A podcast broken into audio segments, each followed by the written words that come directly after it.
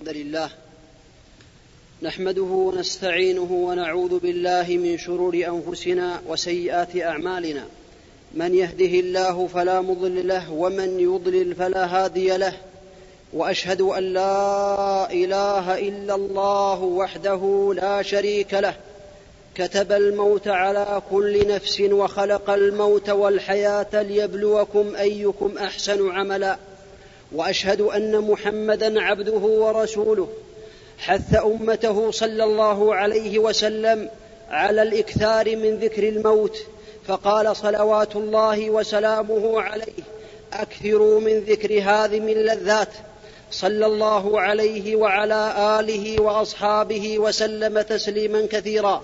أما بعد عباد الله قد حذرنا الله تبارك وتعالى وأمرنا بكل خير ونهانا عن كل شر.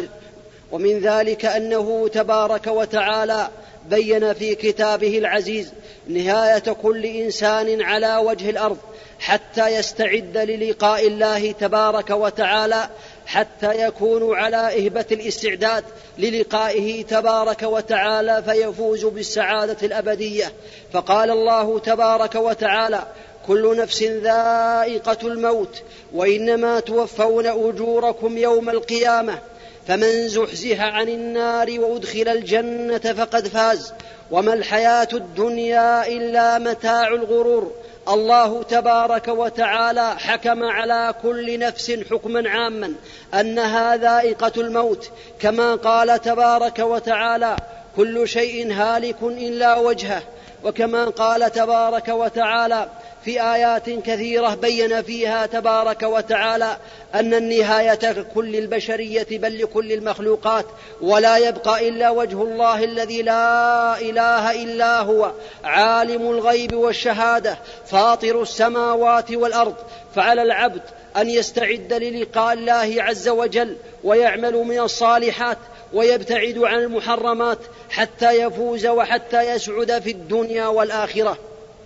ولذلك بين تبارك وتعالى أن نهاية كل حي كما سمعتم هي الموت والمقصود من ذلك الاستعداد للقاء الله تبارك وتعالى والأهبة للقائه تبارك وتعالى لو ابتعاد على المحرمات.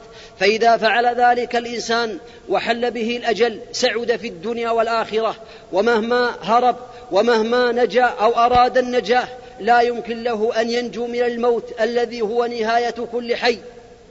ولذلك يقول الله تبارك وتعالى اينما تكونوا يدرككم الموت ولو كنتم في بروج مشيدة اينما تكونوا يدرككم الموت ولو كنتم في بروج مشيدة ويقول الله عز وجل في آية أخرى قل إن الموت الذي تفرون منه فإنه ملاقيكم ثم تردون إلى عالم الغيب والشهادة فينبئكم بما كنتم تعملون.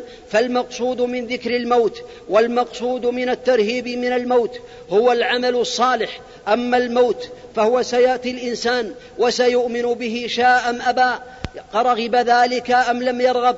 لأن ذلك مشاهد بالحس ومعلوم عند الجميع سواء كانوا من الكفار أو من غيرهم. ولكن المقصود هو الاستعداد للقاء الله عز وجل حتى لا يهجم الموت على الإنسان وهو مضيع لفرائض الله أو متعد لحدود الله أو واقع فيما حرم الله تبارك وتعالى عليه.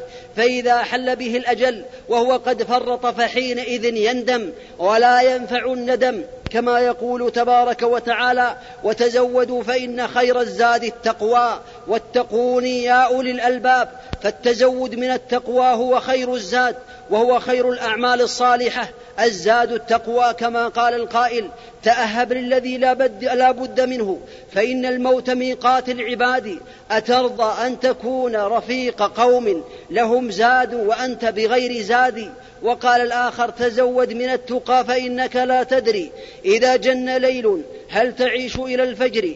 فكم من صحيح مات من غير علة وكم من عليل عاش حين من الدهر وكم من صغار يرتجى طول عمرهم وقد دخلت أجسادهم ظلمة القبر وكم من فتى يمسي ويصبح لاهيا وقد نسيت أكفانه وهو لا يدري.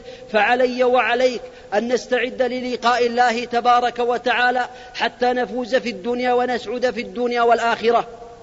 وبذلكم بين النبي عليه الصلاة والسلام في الحديث الذي سمعتم بعضه قوله صلى الله عليه وسلم أكثروا من ذكر هذه من اللذات فإنه إذا ذكر هذه من اللذات وهو الموت ومعنى هادم اللذات أي قاطع اللذات يقطع الشباب أو يقطع لذة الشباب ويقطع لذة المال ويقطع لذة الصحة وحينئذ ينتقل الإنسان من هذه اللذات الدنيوية إلى الأخروية أو اللذات الأخروية إن كان مؤمنا بالله عز وجل أو إلى العقاب الشديد يوم القيامة إن كان كافرا أو منافقا أو غير ذلك نسأل الله العافية في الدنيا والآخرة. وذلكم أن الإنسان إذا ذكر الموت استعد للقاء الله تبارك وتعالى كما يروى عنه عليه الصلاة والسلام أن الموت أو أن ذكر الموت يقرب أو يجعل ما ذكر في قليل إلا كثره وما ذكر في كثير إلا قلله فإذا ذكره الإنسان المريض بالمرض المزمن أو الفقير بالفقر المدقع فحينئذ يعلم بأن هذه الدنيا تنتهي وينتهي الغنى وينتهي أصحاب الأموال وغيرهم من أصحاب الجاه وأصحاب السلطان فحينئذ يقنع بما رزقه الله تبارك وتعالى ويصبر احتسابا لما يجده من ألم وفقر وغير ذلك. وإذا ذكره الغني أصحاب الأموال الطائلة وأصحاب الجاه فإنه حينئذ يصغر عنده كل شيء الجاه لا يعتبر عنده شيئا لأنه يتذكر أن أصحاب الجاه والسلطان الذين قد مضى عليهم الدهر قد تركوا ما قد تركوا ما حصلوا من الجاه والأموال وانتقلوا إلى ما قدموا من أعمال فحينئذ يحب لقاء الله عز وجل ويرغب في الصالحات ويبتعد عن المحرمات وبذلكم يجد السعادة في الدنيا قبل الآخرة ثم يجد السعادة عند الموت كما بين الله عز وجل ذلك للمؤمن عند سكرات الموت أن الملائكة يتنزلون عليه ويبشرونه بالجنة ويبشرونه بالراحة ويؤمنونه مما يخاف ويبشرونهم أن الله عز وجل سيحفظ ذريته من بعده وأمواله وأهله وغير ذلك. إن الذين قالوا ربنا الله ثم استقاموا تتنزل عليهم الملائكة ألا تخافوا ولا تحزنوا وأبشروا بالجنة التي كنتم توعدون. نحن أولياؤكم في الحياة الدنيا وفي الآخرة ولكم فيها ما تشتهي أنفسكم ولكم فيها ما تدعون. هذا الكلام العظيم هذه البشرى العظيمة. تأتي الإنسان حينما يكون في سكرات الموت حينما يعلم علم اليقين بأنه قد فارق الأهل والمال وفارق الأولاد حينئذ يسمع هذا الكلام من ملائكة الله تبارك وتعالى الذين يتنزلون عليه الا تخافوا ولا تحزنوا وأبشروا بالجنة التي كنتم توعدون. لا تخافوا مما أمامكم من أهوال يوم القيامة ولا من عذاب القبر ولا من المرور على الصراط ولا من الوقوف بين يدي الله عز وجل. ولا تحزنوا مما خلفتم.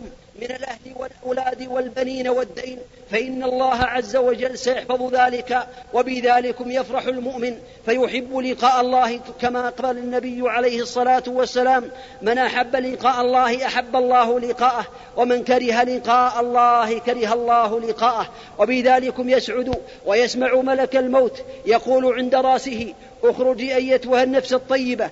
اخرجي إلى مغفرة من الله ورضوان وإلى رب غير غضبان. فحينئذ يفرح ويحب لقاء الله عز وجل. نسأل الله بأسمائه الحسنى وصفاته العليا أن يجعلني وإياكم وإخوان المسلمين ممن يسمعون هذا الكلام العظيم ويسمعون هذه البشرى العظيمة.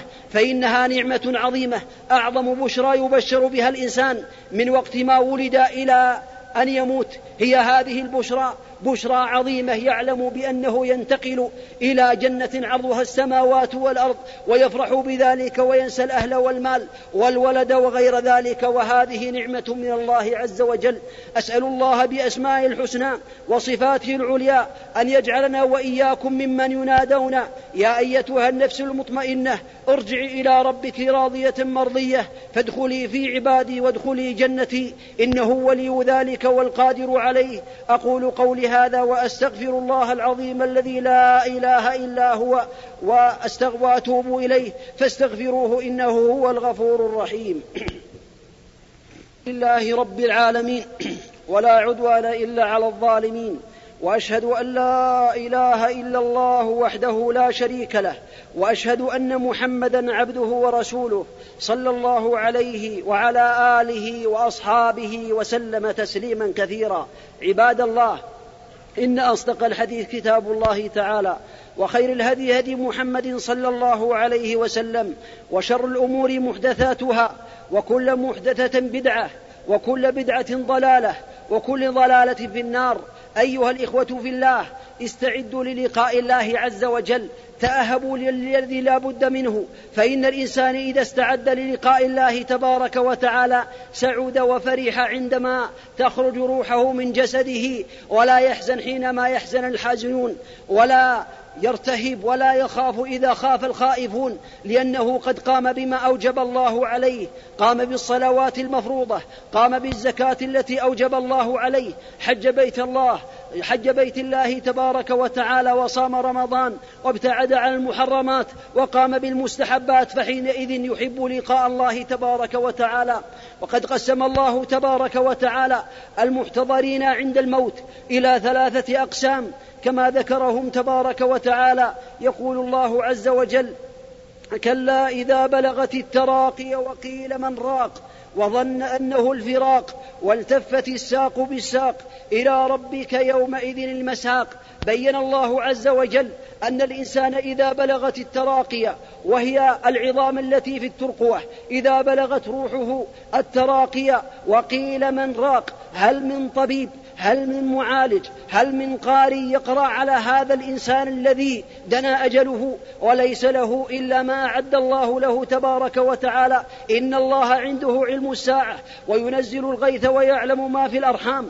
وما تدري نفس ماذا تكسب غدا وما تدري نفس بأي أرض تموت. إن الله عليم خبير ثم قسم الله عز وجل أحوال المحتضرين إلى ثلاثة أقسام.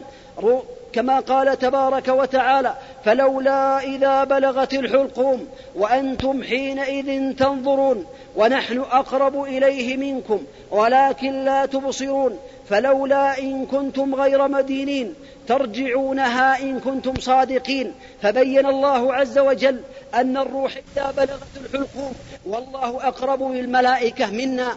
الله أقرب بملائكته. الملائكة جالس الملائكة يجلسون مد البصر كما بين النبي عليه الصلاة والسلام. ولكننا نراهم ولكن الذين عند المحتضر لا يرونهم. والله تبارك وتعالى أقرب إلى هذا الإنسان بعلمه واطلاعه وخفاياه وما يتمناه. فحينئذ هذه الملائكة ينظر إليهم الميت كما بين النبي عليه الصلاة والسلام في الحديث الصحيح قال ونحن أقرب إليه منكم في هذه الآية ولكن لا تبصرون فلولا إن كنتم غير مدينين إن كنتم غير محاسبين إن كنتم غير مصدقين ترجعونها إن كنتم صادقين. إن كان عندكم حول وقوه أو عندكم استطاعة بأن ترجعوا روح الميت ترجعونها إن كنتم صادقين.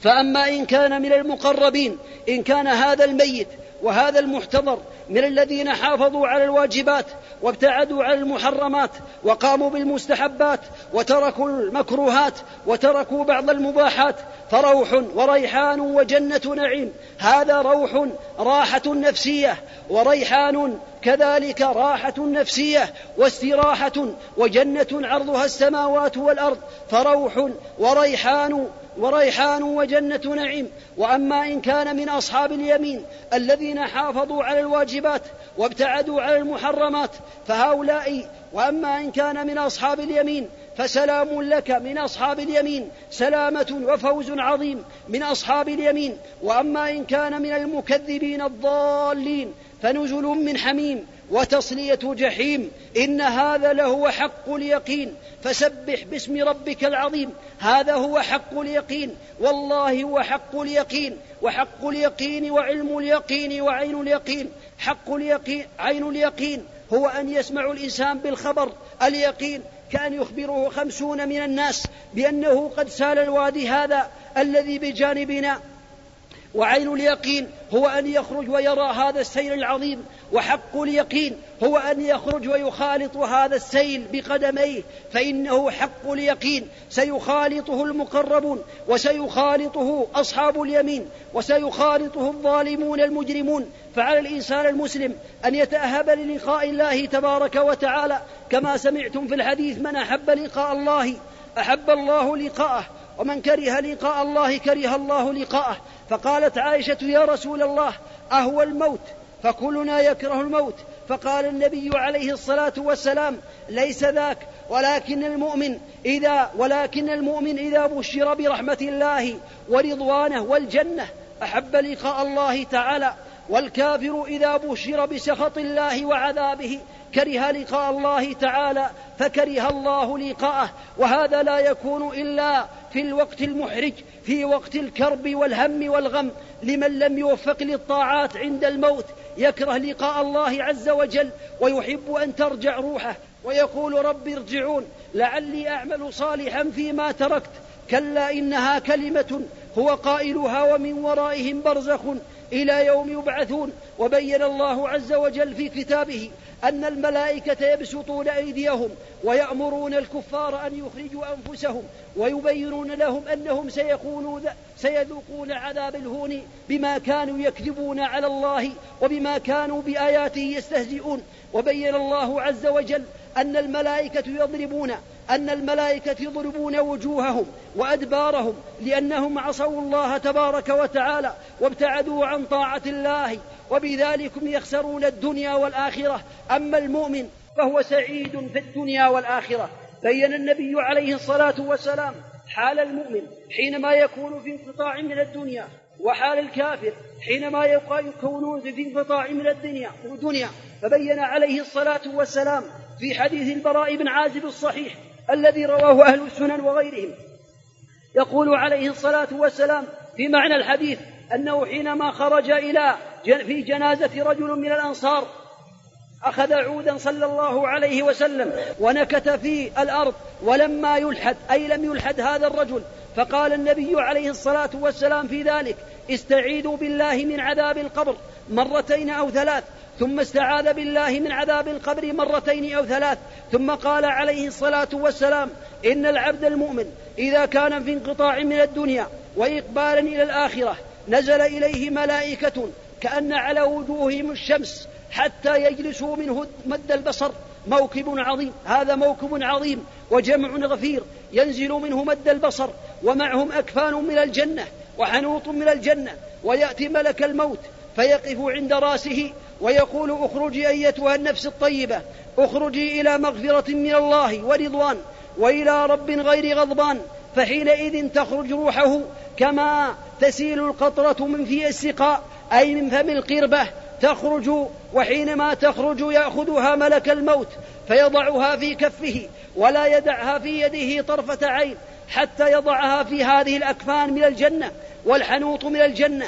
فيصلي عليه كل ملك في السماء وكل ملك في الأرض ثم يخرج أعظم ريح وجدت على وجه الأرض. فيقال ما هذه الروح الطيبة؟ فيقال روح فلان بن فلان وحينئذ ما من أهل السماء إلا يسألون الله تبارك وتعالى أن تصعد هذه الروح من قبلهم. فيشيعه مقرب السماء الدنيا إلى السماء الثانية وتفتح له أبواب السماء. وحينئذ يشيع من السماء الدنيا إلى الثانية ومن الثالثة ومن الثانية إلى الثالثة وهكذا يشيعه كل مقرب سماء إلى السماء التي تليها حتى يصل إلى السماء السابعة. فحينئذ يسمع كلاما وهو يقال يقول ردوا عبدي اكتبوا كتاب عبدي في عليين فإني اكتبوا كتاب عبدي في عليين وما أدراك ما عليون كتاب مرقوم ثم يسمعون مناديا ينادي أن ردوا عبدي إلى الأرض فإني منها خلقتهم وفيها أعيدهم ومنها أخرجهم تارة أخرى فيطرح, فيطرح في قبره وإنه لا يسمع قرع نعال أصحابه حين يولوا عنه مدبرين أصبح حيا في قبره يسمع حركات أصحابه حين يولوا عنه مدبرين قد ذهبوا إلى أمواله وأولاده قد ذهبوا إلى الميراث وهو في قبره فيأتيه ملكان شديد الانتهار فيقولان له من ربك؟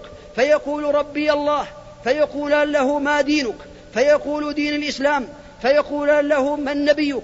فيقول نبي محمد نبي محمد صلى الله عليه وسلم فينتهر مرة أخرى فيقول ربي الله ودين الإسلام ونبي محمد صلى الله عليه وسلم وهذه أعظم فتنة تمر على المسلم إذا نجح في هذا الاختبار العظيم في هذا القبر العظيم إذا نجح في هذه الأسئلة الثلاثة اليسيرة على أهل الدنيا لكنها صعبة وغير يسيرة على أهل المعاصي ولو كانوا يحفظونها في الدنيا عن ظهر في الحياة الدنيا ويضل الله الظالمين ثم بعد ذلك يقال له أن صدق عبدي فافرشوه من الجنة وألبسوه من الجنة ثم يفرش من الجنة ويلبس من الجنة ويفتح له أو يمد له في قبره مد البصر ويأتيه رجل أو شاب حسن الثياب حسن, حسن المنظر طيب الرائحة فيقول من أنت وجهك الذي يجيب الخير؟ فيقول أبشر بالذي يسرك أنا عملك الصالح فوالله إني لقد علمت أنك سريعا في طاعة الله بطيئا في معصية الله فحينئذ يفتح له باب إلى الجنة وباب إلى النار فيقال له انظر إلى مقعدك من النار أبدلك الله به هذا انظر إلى مقعدك من النار لو عصيت الله أبدلك الله به هذا فينظر فحينئذ يقال يقول رب أقم الساعة رب أقم الساعة لأنه يرى ما أعد الله له من القصور ومن النعيم العظيم ومن الأنهار مع هذه النافذة العظيمة في القبر مع العلم أن بأن القبر روضة من رياض الجنة أو حفرة من حفر النار كما قال النبي عليه الصلاة والسلام وإن العبد المجرم أو الكافر إذا كان في انقطاع من الدنيا وإدبار إلى الآخرة نزل إليه ملائكة سود الوجوه معهم المسوح والمسوح هو أكفان من النار وحنوط من النار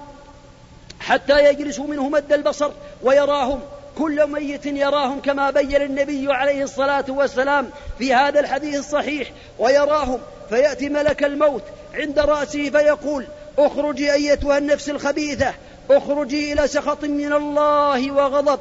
فحينئذ تتفرق في جسده ولا تحب أن تخرج وتسأل الله الرجعة وحينئذ تتوزع تحت العروق والعصب والأظفار فحينئذ ينتزعها ملك الموت ويقطع العروق والعصب وحينئذ ينطبق عليه أن الملائكة يلعنونه ويضربونه ويضربون وجهه وقفاه كما بين الله عز وجل ذلك فيقطع معها العروق والعصب فحينئذ يلعنه كل ملك في السماء وكل ملك في الأرض ويخرج منه كأنتن ريح وجدت على وجه الأرض. فيقال له ما هذه الروح الخبيثة أو الروح الخبيثة. فيقال له فيقال روح فلان بن فلان بأقبح الأسماء إليه. ثم تغلق أبواب السماء وما من أهل سماء إلا يسألون الله عز وجل ألا تصعد هذه الروح من قبلهم. فيصعدون به إلى السماء الدنيا وحينما يصلون به إلى السماء الدنيا تغلق عليه أبواب السماء وقرى النبي عليه الصلاة والسلام لا تفتح لهم أبواب السماء ولا يدخلون الجنة حتى يلج الجمل في سم الخياط. متى يدخل الجمل في سم الخياط؟ إنه شيء مستحيل أن يدخل الجمل في ثقب الإبرة أو في خرق الإبرة. هذا شيء مستحيل. فالكفار والمنافقون لا يدخلون الجنة حتى يأتي الجمل. يذهب ويسير ويدخل مع ثقب الإبرة وهذا شيء مستحيل. نسأل الله العافية في الدنيا والآخرة. ثم ينادي مناد أن اكتبوا عبدي أن اكتبوا كتاب عبدي في سجيل. في الأرض السفلى وما أدراك ما سجين ثم يسمعون مناديا أن ردوا عبدي إلى الأرض فإني منها خلقتهم وفيها أعيدهم ومنها أخرجهم تارة أخرى فيطرح طرحا إلى قبره طرحا بقوة يقول الله عز وجل ومن يشرك بالله فكأنما خر من السماء فتخطفه الطير أو تهوي به الريح في مكان سحيق يطرح طرحا عظيما فإذا, فإذا وصل إلى قبره وإذا هو يسمع قرع نعال أصحابه وإذا هو يسمع قرع نعال أصحابه حين ولوا عنه مدبرين فيأتيه ملكان شديد الانتهار فيقولان له من ربك؟ فيقول ها ها لا أدري. ما دينك؟ فيقول ها ها لا أدري. من هو نبيك؟ فيقول ها ها لا أدري. فيقال له لا دريت ولا تلوت لا علمت ولا تعلمت هذا الطريق ولا تلوت أهل العلم والإيمان وتلوتهم وقلدتهم في طاعة الله وتلوت النبي صلى الله عليه وسلم إن لم تكن عالما لا دروت لا, دل لا دريت ولا تلوت ثم يضرب بمطرقة من حديد يضربه يقيض له رجل أعمى أصم أبكم لا يسمع فيرحمه ولا يبصره فيرحمه. ولا كذلك يتكلم فيرد عليه ولكنه أعمى أصم أبكم يضربه بمغزوة من حديد. لو ضرب بها جبل كان ترابا فيكون ترابا ويا ليته يكون ترابا ولكنه يعود مرة أخرى فيضرب ضربة فحينئذ يصيح صيحة يسمعها كل شيء إلا الثقلين الجن والإنس لأنهم المعنيون بهذا العذاب. وحينئذ يأتيه رجل قبيح المنظر قبيح الرائحة أو كريه الرائحة فيقول أبشر بالذي يسوءك أبشر بالذي يسوءك. فيقول من أنت ووجهك الذي يجيب الشر؟ فيقول أنا عملك الخبيث أنا عملك الخبيث. فوالله إني لقد علمت أنك سريعا في معصية الله بطيئا في طاعة الله تعالى.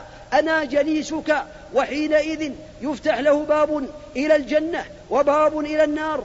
فيقال له انظر إلى مقعدك من الجنة لو أطعت الله تحسير له حتى يذوق الحسرة والندامة حينما يرى القصور العظيمة ويرى هذه الجنة العظيمة. انظر إلى مقعدك من الجنة لو أطعت الله أبدلك الله به هذا. فيقول ربي لا تقم الساعة وينضك عليه قبره حتى تختلف أضلاعه في قبره. هذا عقاب عظيم في قبره لأن عقاب القبر ثابت بالكتاب والسنة وهو حفرة من حفر النار لمن عصى الله عز وجل وروضة من رياض الجنة لمن أطاع الله تبارك وتعالى فعليك بتقوى الله تبارك وتعالى والثبات على دينه حتى تلقاه وهو راض عنك.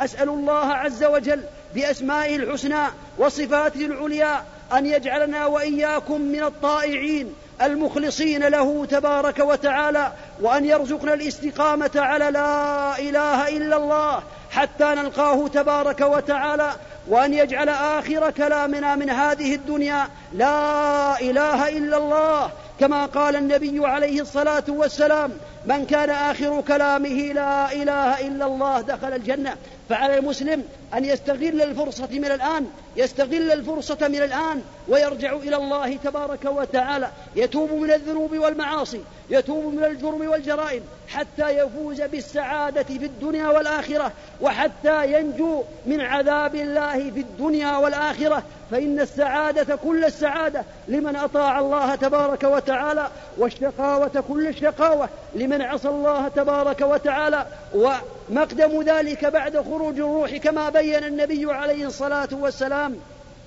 يقول عليه الصلاة والسلام إذا وضع الرجال إذا وضعت الجنازة على أكتاف الرجال واحتملها الرجال على أعناقهم فإن كانت صالحة قالت قدموني قدموني. يا وإن كانت غير ذلك قالت يا ويلها أين تذهبون بها؟ يا ويلها أين تذهبون بها؟ يسمع صوتها كل شيء إلا الإنسان. ولو سمعه الإنسان لصعيق رواه البخاري.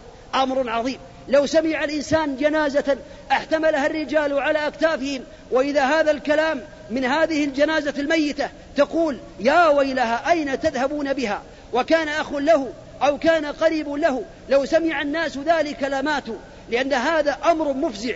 أمر مفضع فعلى المسلم أن يتقي الله تبارك وتعالى حتى كما قال النبي عليه الصلاة والسلام أسرعوا بالجنازة فإن فإنها إن تك صالحة فخيرا تقدمونها إليه وإن تك غير ذلك فشر تضعون تضعونه عن رقابكم. أسأل الله عز وجل بأسمائه الحسنى وصفاته العليا أن يوفقنا لما يحبه ويرضاه وأن يرزقنا العلم النافع والعمل الصالح إنه ولي ذلك والقادر عليه وأن يرزقنا التوبة النصوح ابتغاء وجه الله تبارك وتعالى. لا نرجو جزاء ولا ثوابا إلا من الله الواحد القهار. إنه ولي ذلك والقادر عليه. وصلوا وسلموا على خير خلق الله نبينا محمد صلى الله عليه وسلم. فقد أمرنا الله تبارك وتعالى بالصلاة عليه. فقال إن الله وملائكته يصلون على النبي. يا أيها الذين آمنوا صلوا عليه وسلموا تسليما. اللهم صل وسلم وبارك على نبيك محمد صلى الله عليه وسلم وارض اللهم عن أصحابه أبي بكر وعمر وعثمان وعلي وعن سائر الصحابة أجمعين. اللهم أعز الإسلام والمسلمين وأذل الشرك والمشركين ودمر أعداءك أعداء الدين. اللهم آمنا في دورنا واصلح ولاة أمورنا واجعل ولايتنا في من خافك واتقاك واتبع رضاك برحمتك يا أرحم الراحمين.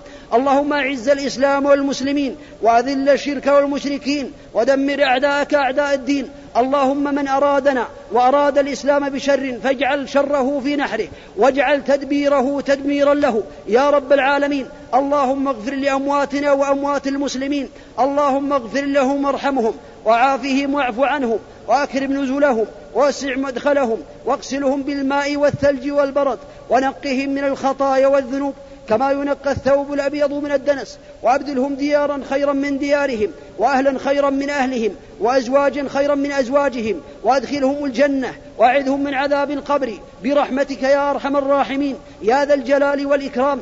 اللهم أصلح لنا ديننا الذي هو عصمة أمرنا واصلح لنا دنيانا التي فيها معاشنا واصلح لنا آخرتنا التي إليها معادنا واجعل الحياة زيادة لنا في كل خير واجعل الموت راحة لنا من كل شر ربنا آتنا في الدنيا حسنة وفي الآخرة حسنة وقنا عذاب النار. عباد الله إن الله يأمر بالعدل والإحسان وإيتاء ذي القربى وينهى عن الفحشاء والمنكر والبغي يعظكم لعلكم تذكرون. فاذكروا الله سيئات أعمالنا. من يهده الله فلا مضل له ومن يضلل فلا هادي له. وأشهد أن لا إله إلا الله وحده لا شريك له.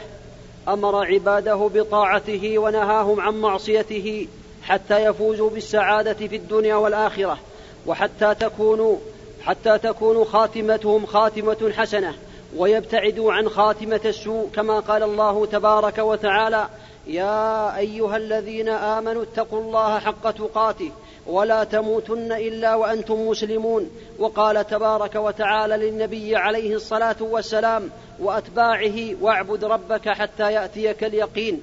وأشهد أن محمدا عبده ورسوله صلى الله عليه وعلى آله وأصحابه وسلم تسليما كثيرا.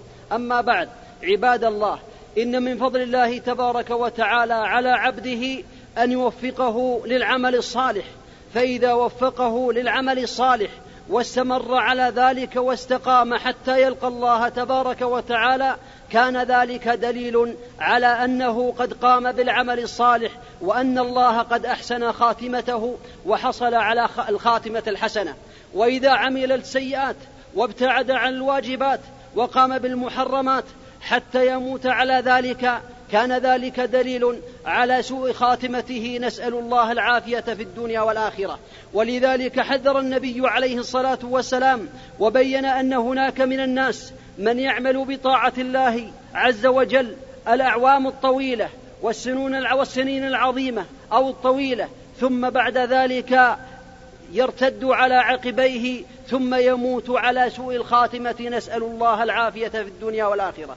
فقال النبي عليه الصلاة والسلام في حديث ابن مسعود رضي الله عنه الطويل قال صلى الله عليه وسلم هو الذي لا إله غيره. إن أحدكم ليعمل بعمل أهل الجنة حتى ما يكون بينه وبينها إلا ذراع فيسبق عليه الكتاب فيعمل بعمل أهل النار فيدخلها وإن أحدكم ليعمل بعمل أهل النار حتى ما يكون بينه وبينها إلا ذراع فيسبق عليه الكتاب فيعمل بعمل أهل النار فيدخلها أو كما قال النبي صلى الله عليه وسلم.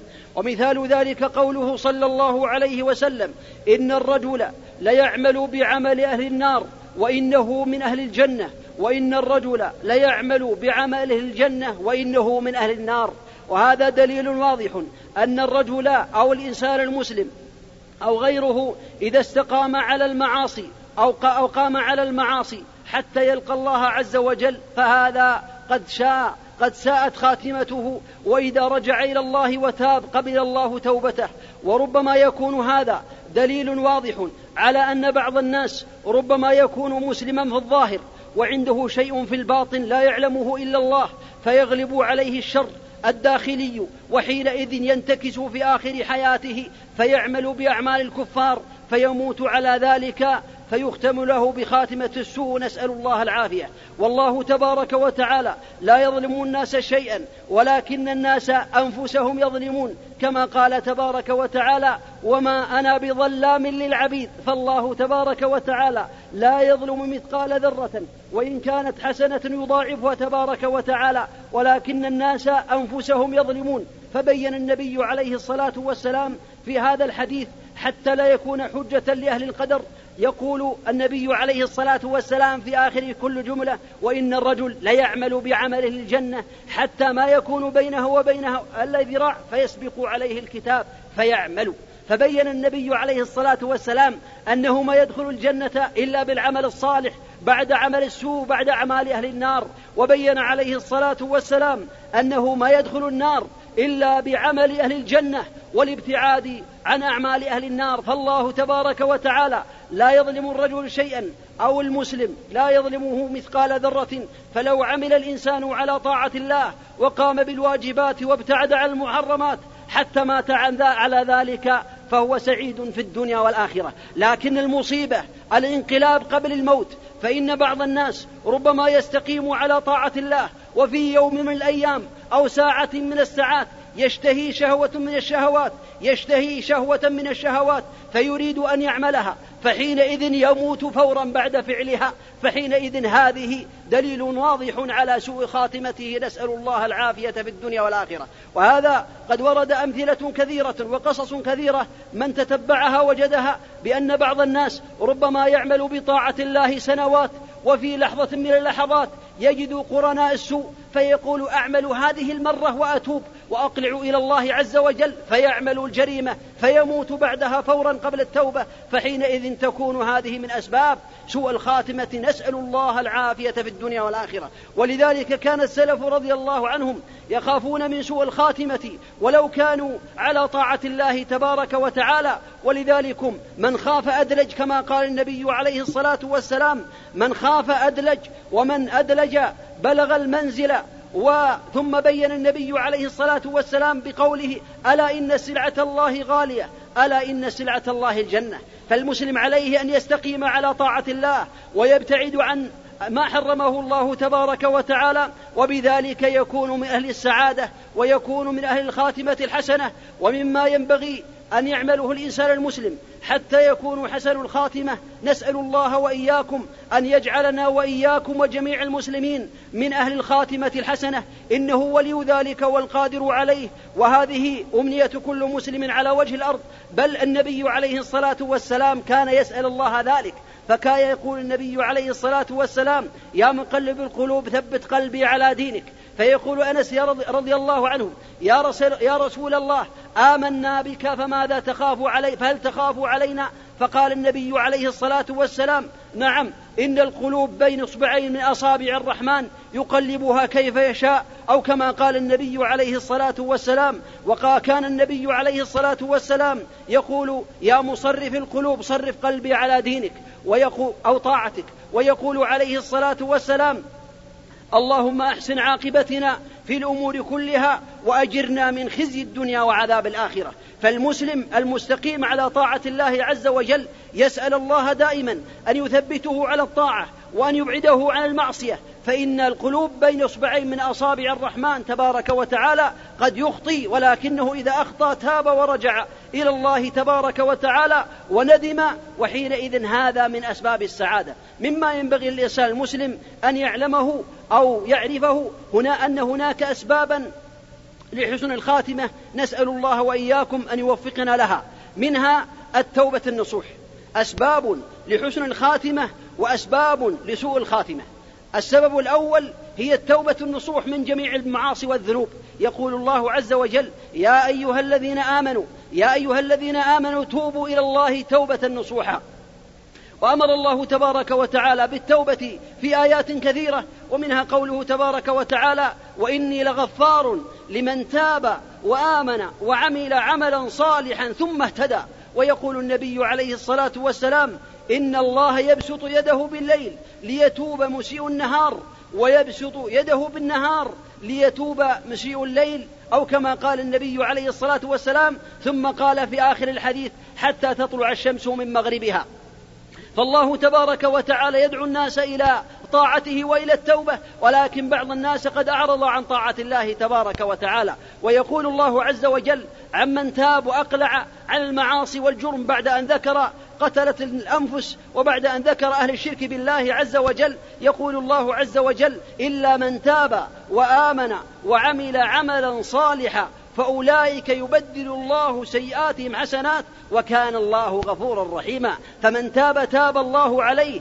التائب من الذنب كمن لا ذنب له كما قال النبي عليه الصلاة والسلام. هذا الأمر الأول من أسباب حسن الخاتمة أو أما الأمر الأول من أسباب سوء الخاتمة نسأل الله العافية فهو التسويف في التوبة.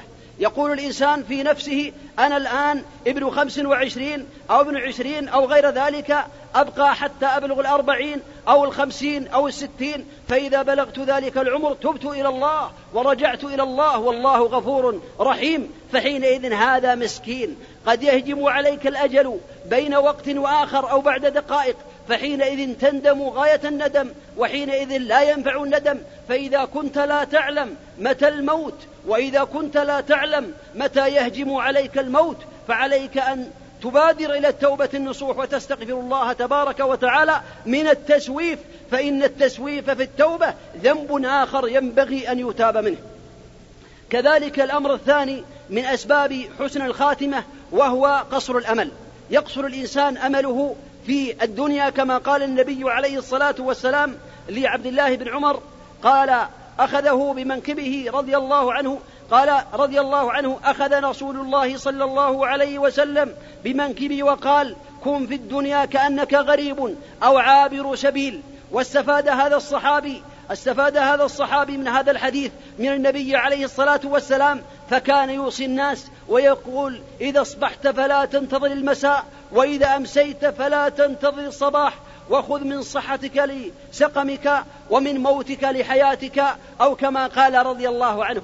فالنبي عليه الصلاة والسلام أوصاه بأمرين. الأمر الأول قال عليه الصلاة والسلام كن في الدنيا كأنك غريب كأنك غريب قد ارتحل عن بلاده إلى بلاد أخرى يطلب الرزق أو يطلب العلم وهذه البلاد التي يعيش فيها لا أمل له في لا أمل له فيها لأنه يحن إلى وطنه الأول يريد أن يرجع إلى بلاده فلا تراه يبني عمارة ولا, ولا تراه يقيم مزرعة ولا غير ذلك لكن قلبه معلق ببلاده الأولى فهو يريد أن يرجع بين وقت وآخر. إذا انتهى سفره في هذا. كن في الدنيا كأنك غريب أو قال في الأمر الثاني أو عابر سبيل.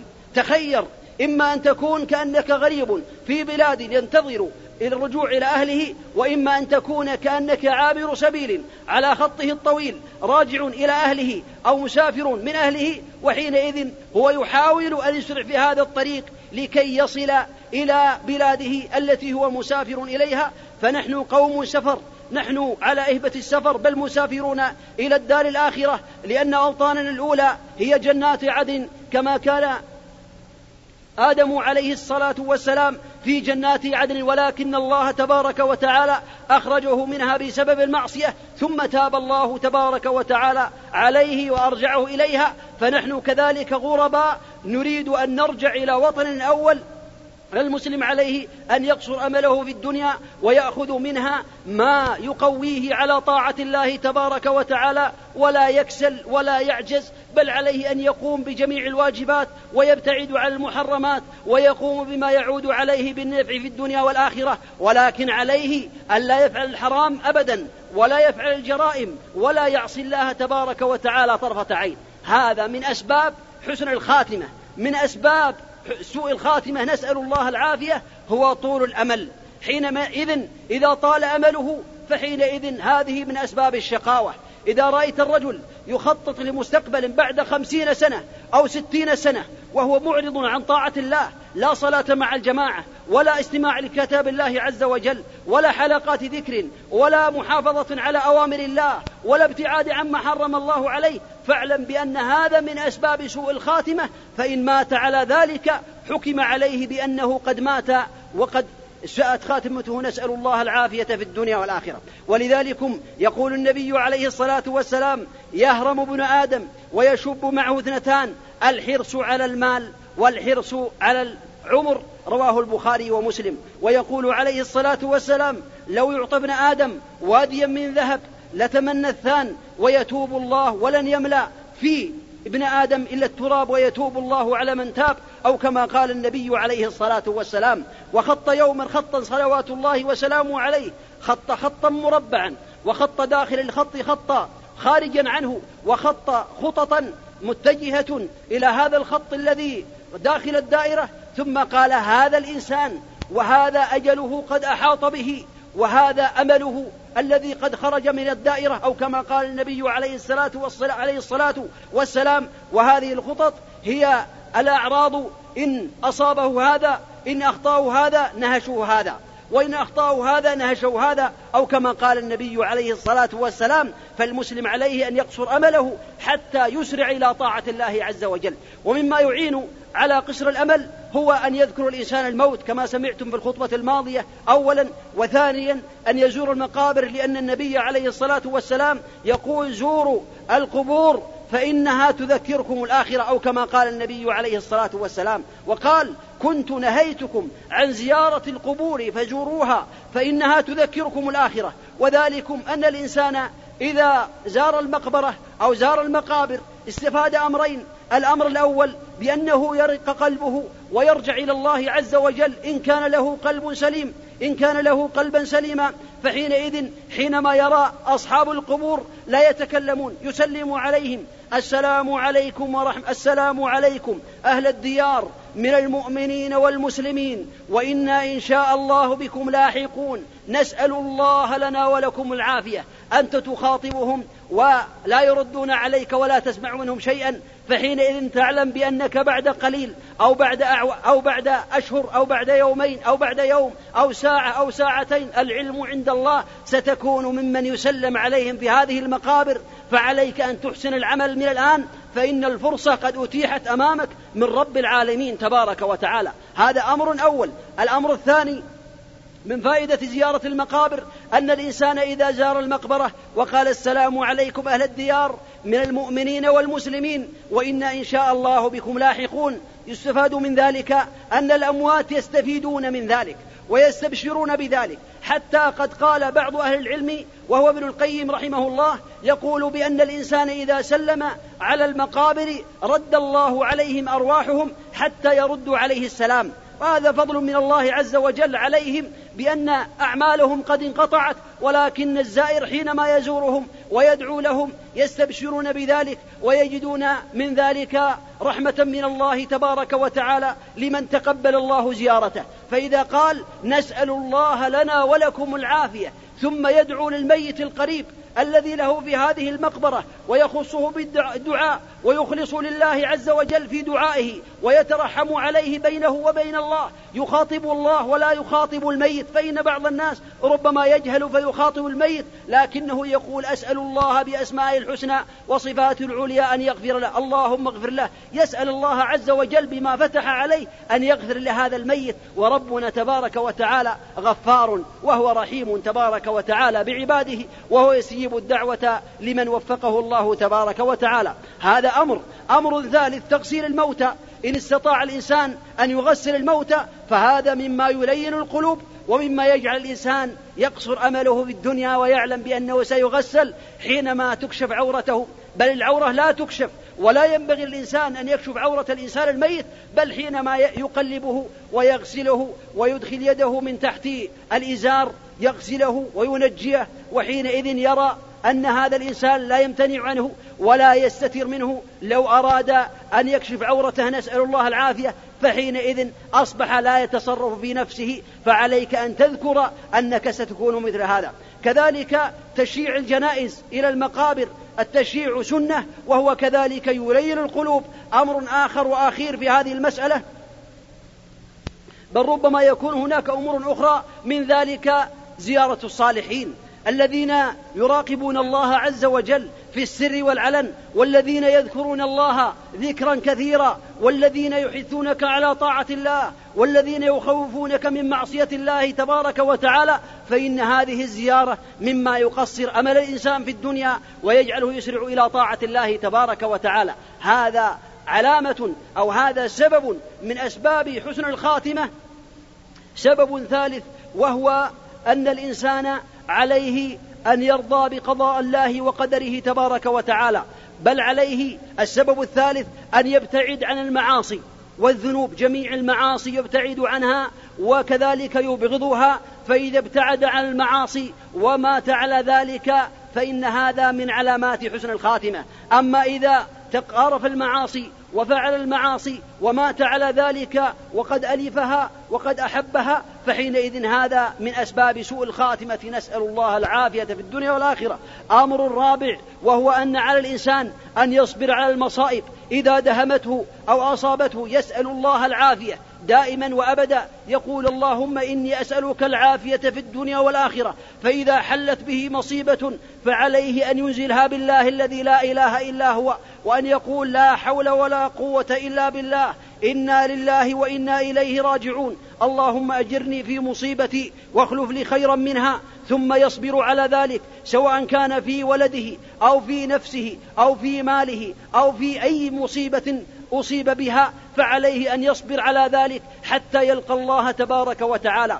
أما أسباب سوء الخاتمة فإنه في هذه المسألة فهو عدم الرضا بقضاء الله وقدره. فإذا أصابه مصيبة لعن وصاح وربما دعا وربما خرج عن الإسلام وربما سب الدين وربما سب أهل الدين وغير ذلك لأنه أصيب بمصيبة. وهذا من علامات سوء الخاتمة. نسأل الله العافية. ولذلك قال النبي عليه الصلاة والسلام لرجل من أراد منكم أن ينظر إلى رجل من أهل النار فلينظر إلى هذا. فنظر الصحابة إلى رجل جلد يقاتل في سبيل الله عز وجل في غزوة من غزوات النبي صلى الله عليه وسلم. فاستثقل ذلك فاستثقل ذلك على أصحاب النبي عليه الصلاة والسلام ودهمهم هذا الأمر. فحينئذ أخذ رجل يتابعه ما الذي يعمله؟ وحينئذ قاتل في سبيل الله حتى طعن. وعندما طعن أخذ سيفه فجعله بين ثدييه ثم ارتكى عليه حتى خرج سيفه من بين كتفيه فمات. فجاء هذا الرجل إلى النبي عليه الصلاة والسلام وقال أشهد أنك رسول الله عليه الصلاة والسلام. فقال وما ذاك؟ قال إن الرجل الذي قلت إنه أهل النار قد قتل نفسه فالمسلم إذا قتل نفسه أو انتحر فهذا دليل على عدم ثقته بالله عز وجل وعلى عدم صبره على ما أصابه وعلى ما أصابه وعلى عدم مراقبته لله وعلى عدم رضاه بما كتب الله له. فعليه أن يتقي الله تبارك وتعالى فإن من قتل نفسه فهو في جهنم يتردى فيها كما بين النبي عليه الصلاة والسلام ذلك. أسأل الله عز وجل بأسمائه الحسنى وصفاته العليا أن يجعلني وإياكم وجميع المسلمين ممن تحسن خاتمتهم. إنه ولي ذلك والقادر عليه وأن يحسن خاتمتنا في الأمور كلها. وأن يحسن عاقبتنا في الأمور كلها وأن يجرنا من خزي الدنيا وعذاب الآخرة. اللهم إنا نسألك يا مقلب القلوب أن تثبت قلوبنا على طاعتك ونسألك يا مصرف القلوب أن تصرف قلوبنا على طاعتك برحمتك يا أرحم الراحمين. أقول قولي هذا وأستغفر الله العظيم لي ولكم ولسائر المسلمين من كل ذنب فاستغفروه إنه هو الغفور الرحيم.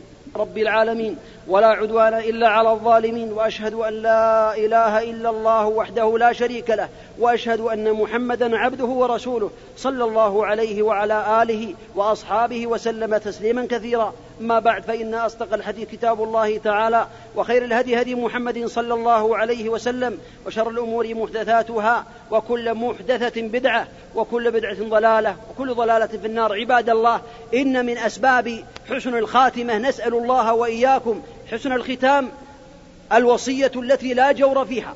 فالإنسان المسلم يقول النبي عليه الصلاة والسلام ما حق امرئ مسلم يبيت لليلتين وله شيء يريد أن يوصي فيه إلا ووصيته مكتوبة عنده أو كما قال النبي عليه الصلاة والسلام وهذه الوصية هي تكون من العمل الجاري الذي قاله النبي عليه الصلاة والسلام إذا مات ابن آدم انقطع عمله إلا من ثلاث وذكر منها النبي عليه الصلاة والسلام الصدقة الجارية الصدقة الجارية ولكن عليه ألا يجور فيها فإذا جار فيها وأوصى لوارث من الورثة أو أراد أن يضر بالورثة أو أوصى بشيء في معصية الله كأن يوصي بأمواله أن تدفع في الخمر وغير ذلك فهذا دليل على سوء الخاتمة وعلى الأجور نسأل الله العافية في الدنيا والآخرة وهذا مما يسبب له النار نعوذ بالله من النار كما روي عنه عليه الصلاة والسلام أن الرجل والمرأة يعمل بالمرأة يعمل بالعمل الصالح ستين سنة ثم يجور في الوصية فيكتب الله له بذلك النار. نعوذ بالله من النار. فعليه ألا يجور في وصيته وإن كان لا يحسن أن يوصي فعليه أن يذهب إلى أهل العلم. ويسألهم عن ما يجوز وما لا يجوز أن يوصي فيه فحينئذ تكون هذه من أسباب حسن الخاتمة إذا راقب الله تبارك وتعالى وألا يزيد على الثلث لأن النبي عليه الصلاة والسلام حدد ذلك وقال الثلث والثلث كثير فالمال حين الموت أو حين الوفاة لا يكون لك وإنما هو للورثة فلو كان الإنسان في حياته صحيحا فله أن يتصدق بكل ماله إن كان واثقا بالله تبارك وتعالى كما وثق به أبو بكر رضي الله عنه فقد تصدق بكل ماله. أما عند الغرغرة وعند الموت فهذا المال ليس ملكه وإنما أباح الله له أن يتصدق بالثلث في أقل من ذلك فعليه أن يراقب الله في ذلك. ومما يعين على حسن الخاتمة أن يراقب الإنسان أمور حينما تأتيه غرغرة الموت أو قبل ذلك حينما يرى المرض ويرى بأن المرض قد دب إليه ويخاف الموت فعليه أن يراقب أمور منها أولا يعلم بأن المرض تخفيف من ذنبه لقوله عليه الصلاة والسلام حينما أتاه عبد الله بن مسعود فقال يا رسول الله إنك توعك وعكا شديدا فقال النبي عليه الصلاة والسلام أجل إني أوعك كما يوعك رجلان منكم فقال رضي الله عنه إن ذلك لزيادة في أجرك. فقال النبي عليه الصلاة والسلام أجل ذلك كذلك ما من مسلم يصيبه أذى الشوكة فما فوقها إلا كفر الله بها خطاياه كما تحط الشجرة ورقها. رواه البخاري ومسلم. وهذا فضل عظيم. فإذا أصاب الإنسان المرض وخشي الموت فعليه أن يلحظ هذا الملحظ وعليه أن يصبر. فإن المصائب تكفر الذنوب كما قال النبي عليه الصلاة والسلام أشدكم ابتلاء أو أشد الناس ابتلاء الأنبياء ثم الأمثل في الأمثل. وقد روي عنه عليه الصلاة والسلام بل ثبت عنه أن المؤمن في على ظهر هذه الدنيا لا يزال يصاب في أهله وماله ونفسه وولده حتى يمشي على الأرض وليس عليه سيئة. وهذا من فضل الله. لكن على الإنسان ألا يسأل الله الشر بل عليه أن يسأله العافية في الدنيا والآخرة فإنه أكرم تبارك وتعالى وأجود. ثم كذلك عليه أن يحسن الظن هذا أمر ثاني في المرض عليه أن يحسن الظن بالله عز وجل فإن المريض ربما يسيء الظن بالله ربما يسيء الظن بالله والنبي عليه الصلاة والسلام يقول عن ربه تبارك وتعالى أنا عند حسن ظن عبدي بي وأنا معه إذا ذكرني. ثم بين النبي عليه الصلاة والسلام وأوصى أمته يقول عليه الصلاة والسلام لا يموتن أحدكم إلا وهو يحسن الظن بالله. أو كما قال النبي عليه الصلاة والسلام وجاء رجل وجاء إلى رجل في الموت فقال كيف تجدك؟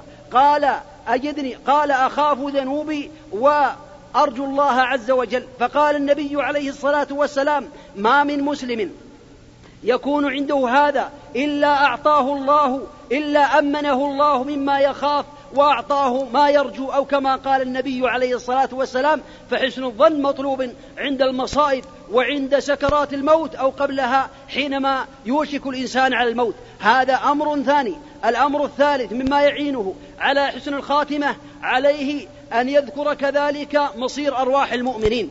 فمصير أرواح المؤمنين كما ثبت عنه عليه الصلاة والسلام في مسند الإمام أحمد بإسناد صحيح قال عليه الصلاة والسلام أرواح المؤمنين طير خض... طير يعلق نسمة المؤمن. قال نسمة المؤمن طير يعلق في أشجار الجنة حتى يرجعها الله إلى جسدها يوم القيامة أو كما قال النبي عليه الصلاة والسلام. فهذا المؤمن روحه ونسمته طائر يعلق في أشجار الجنة. أما الشهيد فقال النبي عليه الصلاة والسلام فيه أرواح الشهداء في حواصل طير خضر تأوي إلى قناديل معلقة تحت العرش أو كما قال النبي عليه الصلاة والسلام فإذا ذكر الإنسان المؤمن هذا حينئذ يحب لقاء الله عز وجل ويرغب فيما عند الله تبارك وتعالى كذلك عليه إذا اشتد به المرض أن يلهج ذكر أن يلهج بذكر الله عز وجل يشتغل بذكر الله بالتسبيح وبلا إله إلا الله حتى يفقد وعيه ويسأل الله أن يخفف عنه ويسأل الله أن يعفو عنه. كما قال النبي عليه الصلاة والسلام في آخر لحظات من حياته لا إله إلا الله إن للموت لسكرات. فهو يذكر الله عز وجل حتى يفقد وعيه. وما هو؟ بعد ذلك إلا أن ينتقل إلى جنة عرضها السماوات والأرض. إن فعل ذلك من أسباب حسن الختام. وكذلك إذا فعل ما يعينه عند سكرات الموت أو عند المرض على الترتيب كما سمعتم أولا عليه أن يعلم بأن المرض يخفف الذنوب ثانيا يحسن ظنه بالله عز وجل ثالثا عليه أن يلحظ ويعلم بأن أرواح المؤمنين كما بين النبي عليه الصلاة والسلام في جنات النعيم رابعا عليه أن يلهج بذكر الله عز وجل ويوصي أهله وأقاربه بطاعة الله. إن قدروا على ذلك قبل المرض فإن هذا مستحب. أسأل الله الذي لا إله إلا هو بأسمائه الحسنى وصفاته العليا أن يحسن خاتم خاتمتنا وأن يحسن عاقبتنا في الأمور كلها وأن يجيرنا من خزي الدنيا وعذاب الآخرة. إنه ولي ذلك والقادر عليه. هذا وصلوا وسلموا على خير خلق الله. نبينا محمد صلى الله عليه وسلم فقد أمر الله تبارك وتعالى بالصلاة عليه فقال إن الله وملائكته يصلون على النبي. يا أيها الذين آمنوا صلوا عليه وسلموا تسليما. اللهم صل وسلم وبارك على نبيك محمد صلى الله عليه وسلم. وارض اللهم عن أصحابه أبي بكر وعمر وعثمان وعلي. وعن سائر الصحابة أجمعين. اللهم أعز الإسلام والمسلمين وأذل الشرك والمشركين ودمر أعداءك أعداء الدين. اللهم آمنا في دورنا واصلح ولاة أمورنا واجعل ولايتنا في من خافك واتقاك واتبع رضاك برحمتك يا أرحم الراحمين. اللهم ألف بين قلوب المسلمين واجمع كلمتهم ووفقهم لما يحبه تحبه وترضاه. إنك على كل شيء قدير. اللهم وحد صفوفهم واجعلهم لا يقولون إلا ما تحبه ولا يفعلون إلا ما ترضاه. إنك على كل شيء قدير. واعنهم على ما تحبه وترضاه. وسدد خطاهم ووفق أقوالهم. إنك على كل شيء قدير. نسأل الله الله الذي لا إله إلا هو بأسمائه الحسنى وصفاته العليا أن يوفقنا جميعا لما يحبه ويرضاه وأن يرزقنا العلم النافع والعمل الصالح. نسأل الله الذي لا إله إلا هو أن يجعل خير أعمالنا خواتمها وخير أيامنا يوم لقاه اللهم إنا نسألك العفو والعافية في الدنيا والآخرة. اللهم أحسن عاقبتنا في الأمور كلها وأجرنا من خزي الدنيا وعذاب الآخرة. اللهم أصلح لنا ديننا الذي هو عصمة أمرنا. واصلح لنا دنيانا التي فيها معاشنا. واصلح لنا آخرتنا التي إليها معادنا. واجعل الحياة زيادة لنا في كل خير. واجعل الموت راحة لنا من كل شر برحمتك يا أرحم الراحمين. ربنا آتنا في الدنيا حسنة وفي الآخرة حسنة وقنا عذاب النار. ربنا لا تزغ قلوبنا بعد إذ هديت. من لدنك رحمة إنك أنت الوهاب. عباد الله إن الله يأمر بالعدل والإحسان.